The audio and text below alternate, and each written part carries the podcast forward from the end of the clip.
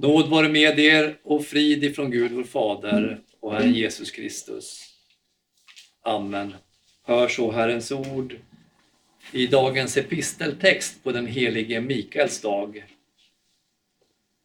Så skriver aposteln Johannes i Uppenbarelsebokens tolfte kapitel från den sjunde versen. Men strid uppstod i himlen Mikael och hans änglar gav sig i strid med draken och draken och hans änglar stred.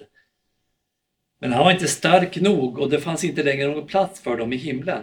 Och den store draken, den gamle ormen som kallas djävul och satan, han som bedrar hela världen, kastades ner på jorden och hans änglar kastades ner med honom.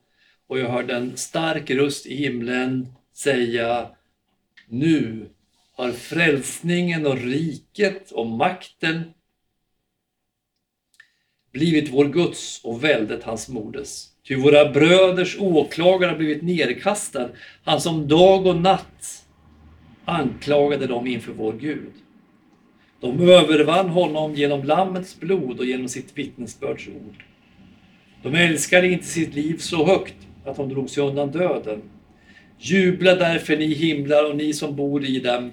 Men ve dig du jord och du hav, ty djävulen har kommit ner till er i stor vrede eftersom han vet att hans tid är kort. Amen. Herre, helg oss i sanningen. Ditt ord är sanning.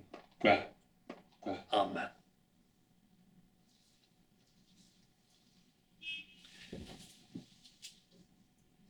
Det är krig gängkrig i Uppsala och på flera andra orter i, i Sverige. Men just nu mest faktiskt i Uppsala. Gängkrig. Folk har skjutits och en del har dött i, i bombdåd. Folk blir oroliga och därför höll vår statsminister i torsdags ett, ett tal till nationen där han utlovade olika åtgärder. Utökade resurser för polisen, hårdare lagstiftning, ungdomsfängelse och till och med möjligheter att sätta in militär för att stärka upp situationen. Krig. Och kriget i Ukraina fortsätter. Det är till och med så att en nyhetskälla säger att säkerhetsläget i Europa är mer oroligt än på lång tid. När vi som, som är kristna hör sådana här tal om krig så blir vi inte särskilt överraskade. För vi, är ju inte, vi tillhör ju inte de som tror att krigets tid kommer att ta slut på den här sidan av evigheten. Vår frälsare Kristus Jesus hade ju sagt i Matteus evangeliet 24 kapitel och den sjätte versen, ni kommer att höra stridslarm och rykten om krig. Se då till att ni inte blir skrämda, ty detta måste hända. Men därmed har inte slutet kommit.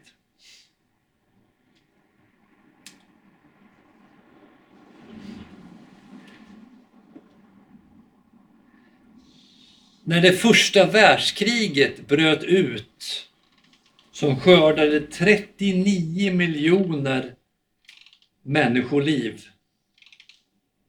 Då hade H.G. Wells sagt att det här var kriget som skulle göra slut på alla krig. The war that would end all wars. Och ändå dröjde det bara 20 år till det andra världskriget som skördade över 50 miljoner människoliv. Och sedan dess har vi fått uppleva Maos och Stalins krig mot sin egen befolkning. Skulle man kunna säga det kommunistiska förtrycket. Vi har upplevt Pol Pots kommunistiska regim som i Kambodja det skördade nästan en tredjedel av befolkningen. Ja, man brukar säga att kommunismens offer är cirka 100 miljoner människoliv. Och så har vi fått uppleva den islamiska extremismen i Syrien, Iran, Afghanistan och Irak. Men det finns ett värre krig som inte kan mätas i människooffer.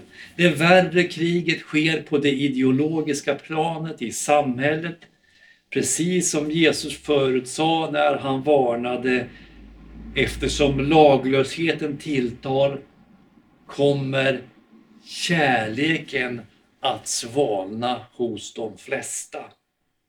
Men den som håller ut intill slutet skall bli frälst bakom stängda dörrar för makar krig med varandra skulle man kunna säga. Skilsmässorna har aldrig nått så höga nivåer som i vår tid om man alls gifter sig. Barn gör uppror mot föräldrar och allierar sig mer med värderingar från sociala medier än från kyrka och församling. Och i kyrkorna som är på väg att förlora den uppväxande generationen så frågar man sig mer om hur man ska uttrycka sig tidsanpassat, genusneutralt, ekologiskt och hbtq-vänligt. Eller woke, som man säger idag. För att om möjligt locka någon till söndagens gudstjänst. Medan Bibeln och talet om korset mer och mer glider ut i periferin. På Svenska kyrkans Twitterkonto så deklarerades häromveckan Svenska kyrkan har inte blivit woke. Vi har alltid varit woke. Woke, det är att säga samma saker som moderna världsliga människor säger.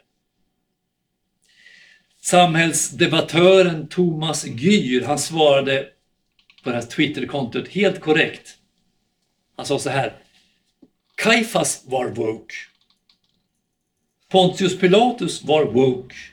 Fariseerna var woke. Jesus var det inte. Men när de värderingar som har byggt upp vårt samhälle och som kyrkan alltid har stått för. Tanken om familjen som grund, tanken om tio Guds bud och Kristi evangelium som kyrkans centrum.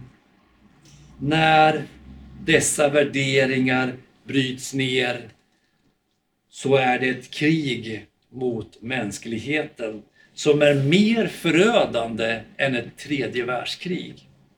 Och offren i detta krig skördas varje dag. I form av splittrade hem, ångest och depression med tablettmissbruk som följd, ensamhet, oro och tvivel. Varför är man så förvånad över att ingen ordning finns i skolorna idag och att Sverige presterar nästan sämst i världen i alla skolenkäter när det fjärde budet om att hedra överheten satts ur spel. Också i de troendes hjärtan pågår ett krig. Som aposteln Petrus skriver, 1 Petrus 2, vers 11, mina älskade. Jag uppmanar er som främlingar och gäster att hålla er borta från de kötsliga begären som för krig mot själen. Så kriget pågår alltså inte bara där utanför. I samhället, i ideologierna, i kulturen. Kriget pågår också i våra själar. Och därför känner vi oss trasiga. Vi har synd, vi har skuld och vi behöver fred eller frid men bakom alla krig, alla konflikter står ett ännu större krig som är orsaken och bakgrunden till alla andra krig. Dagens text förklarar. En strid uppstod i himlen. Mikael och hans änglar gav sig i strid med draken och draken och hans änglar stred men han var inte stark nog och det fanns inte längre någon plats för dem i himlen och den store draken, den gamle ormen som kallas djävul och satan, han som bedrar hela världen, kastades ner på jorden och hans änglar kastades ner med honom. Vad är det här för text? Den är från Uppenbarelseboken. Aposteln Johannes befinner sig som en gammal man i fångenskap på ön Patmos som ligger mellan Grekland och Turkiet. Och här visar Gud honom hur det ser ut i kyrkan och i världen. Han visar honom vad som har hänt. Han visar honom vad som händer och han visar honom vad som ska hända. Gud beskriver saker och ting i den andliga världen, den andliga världen, som inte kan förstås för att den är övernaturlig, den är överjordisk. Han beskriver den med bilder, för bilder kan förstås. Och ibland så förklaras vad som menas. Ibland inte och då får man se på andra texter och jämföra för att förstå vad bilderna syftar på. Men vem draken är, draken, det låter ju verkligen som taget ur en saga. Men vem draken är förklaras direkt i vers 9. Vem är han? Han är den gamle ormen som kallas djävul och Satan, han som bedrar hela världen. Det finns alltså ett uppror bakom alla uppror. Det finns ett krig bakom alla andra krig. Och det är den onde fienden som gjorde uppror mot Gud, Satan. För Gud hade nämligen inte gjort honom ond. Det var någon som frågade, frågade mig, vem är det som har skapat Satan? Gud har inte skapat Satan. Gud skapade bara goda änglar. Men vad var det som hände? Precis som människan gick från, från lydnad till uppror i Eden, ni vet Adam och Eva, så var det likadant med änglarna. Guds goda änglar, vissa av dem, gick från lydnad till uppror. Och detta skedde innan människan var skapad. För vem är han där i Eden som pratar med Eva? Vad står det i dagens text? Den gamle ormen. Han var redan där. Hade alltså ett avfall skett. Och att gå från helighet till synd, att gå från godhet till ondska. Hur ska man beskriva det? Det beskrivs som ett fall. En progression från upp till ner. Att kastas ut. Att kastas ner. Det är så det beskrivs. Och det är enklast att beskriva det så med våra mänskliga ord eftersom vi lättast kan förstå i sådana här geografiska termer. Men vi vet ju att himlen är ju inte en geografisk plats. Utan himlen är ju där Gud är. Det är svårt att förstå riktigt med våra begränsade förstånd. Och därför används ord från våra mänskliga referenser för att beskriva andliga sanningar. Johannes ser bilder som inte som, som med hjälp av bildspråk beskriver andliga verkligheter, den andliga världen. Satan föll från den nära gemenskapen med Gud redan i början, redan i begynnelsen. Han var en mäktig ängel i Guds himmel och han tog sig med, sitt, med sig i sitt fall en stor hop av änglar, goda änglar som hade blivit onda och som dessa eh, goda änglar som blev, blev onda, vad kallas de? I Nya Testamentet, de kallas för onda andar. Eller eh, demoner, daimonos på grekiska. Eh, men det är alltså egentligen änglar, de onda andarna. Men det här detta första fall i begynnelsen är det inte vad Johannes talar om i dagens text. Det utkastande som det talas om i dagens text, det är det utkastande som Jesus talar om i Johannes evangeliets 12 kapitel och den 31 versen. Och det här säger han i ett sammanhang när han förbereder sina lärjungar inför sin egen död. Då säger han så här, Johannes 12 och 31. Nu går en dom över världen. Nu ska denna världens furste kastas ut. Nu går en dom över världen. Nu ska denna världens furste kastas ut.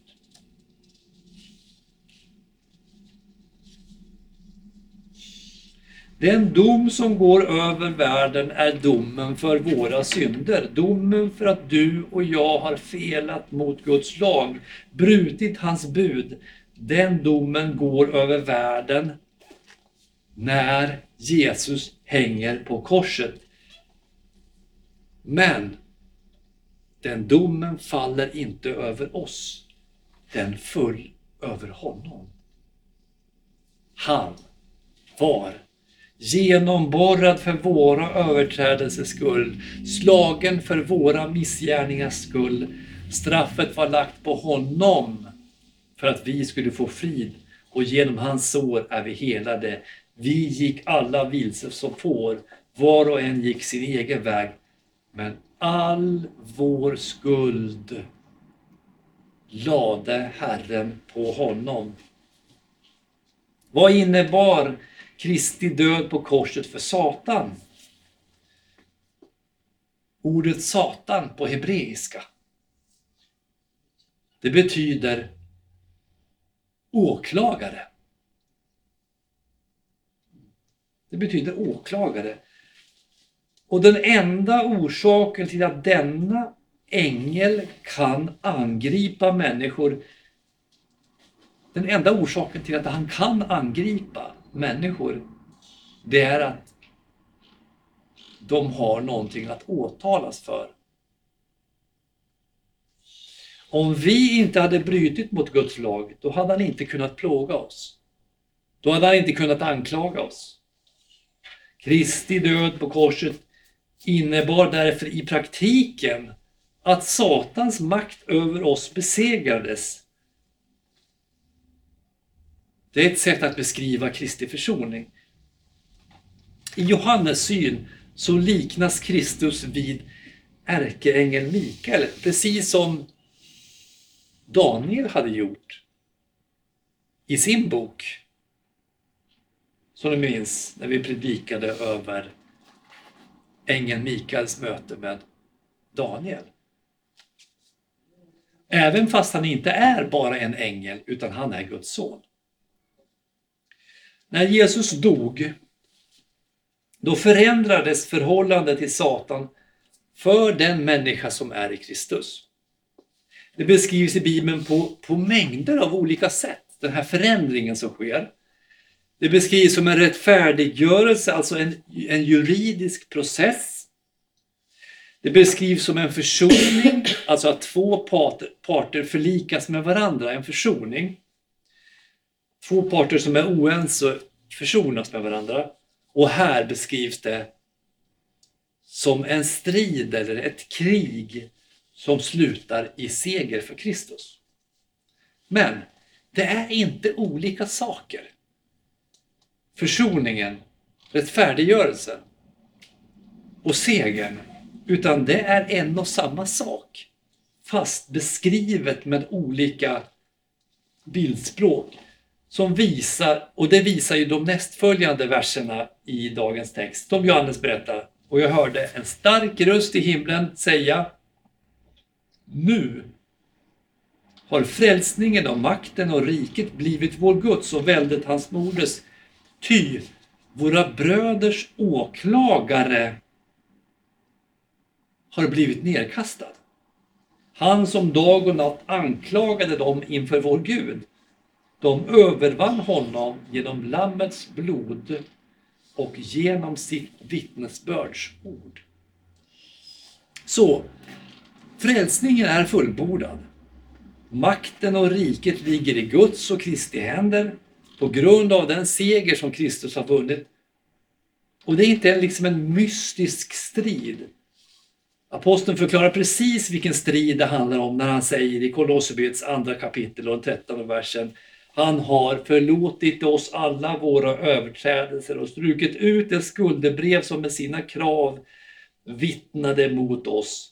Det har han tagit bort genom att spika fast det på korset. Han har klätt av välderna och makterna och förevisat dem offentligt när han på korset triumferade över dem. Alltså när han på korset segrade över dem.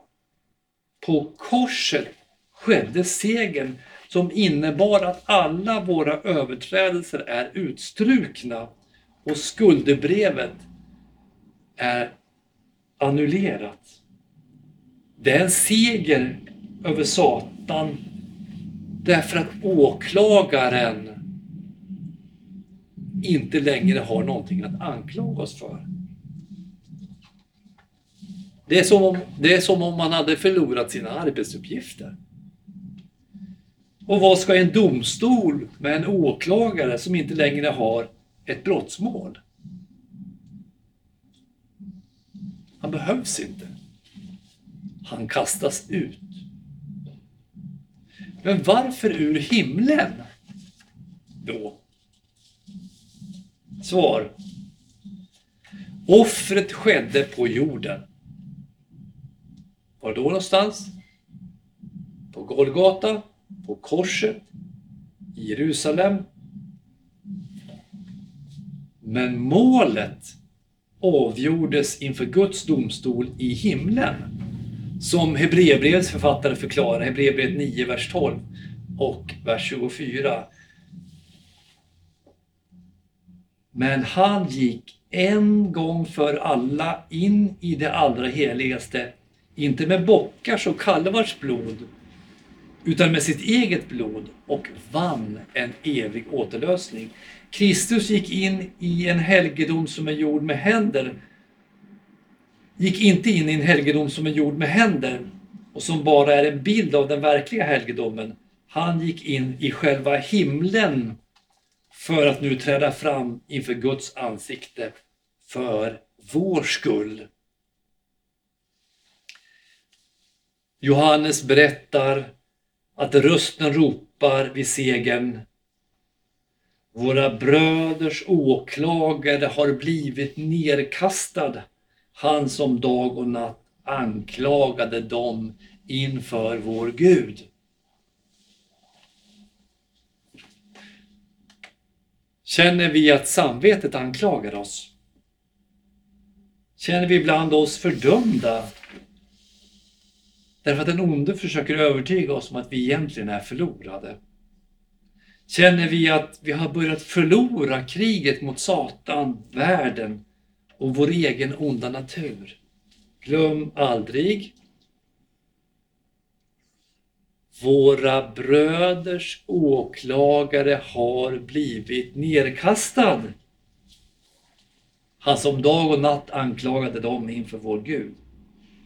Glöm inte Uppenbarelseboken 5 och 5. Gråt inte. Se lejonet av Judas stam, Davids rotskott. Vem är det? Jesus Kristus har segrat. Och Kristus säger Johannes 3, vers 17-18. Inte sände Gud sin son till världen för att döma världen. Utan för att världen skulle bli frälst genom honom. Den som tror på honom blir inte dömd.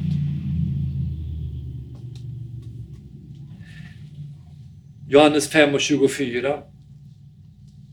Där säger Jesus Den som hör mitt ord och tror på honom som har sänt mig han har evigt liv och kommer inte under domen utan har övergått från döden till livet. Så segern har skett genom Jesu Kristi försoningsdöd på korset och den har fått giltighet inför Gud i himlen.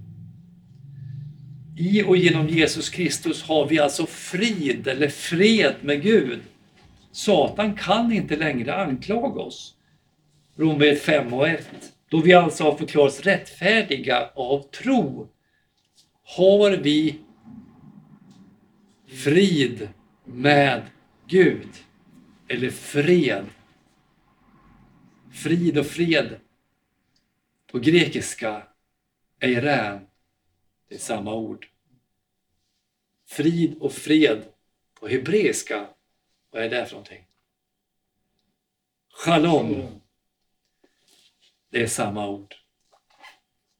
Vi har frid med Gud genom her vår, vår Herre Jesus Kristus. I världen må finnas krig. Och våra samveten kan anklaga oss. Vår onda natur kan försöka dra oss bort. Men inför Gud har Kristus upprättat frid. Eller fred. Och det finns, om det då finns, som vi sa, ett krig bakom alla krig som är Satans krig mot Gud och människan på det andliga planet så finns det en fred eller frid bakom all annan fred. Eller bakom all sann fred när den väl upprättas. Bakom alla mänskliga krig och motsättningar finns ett hat och en ondska som bottnar i det hjärta som inte har lärt känna Guds kärlek i Kristus Jesus.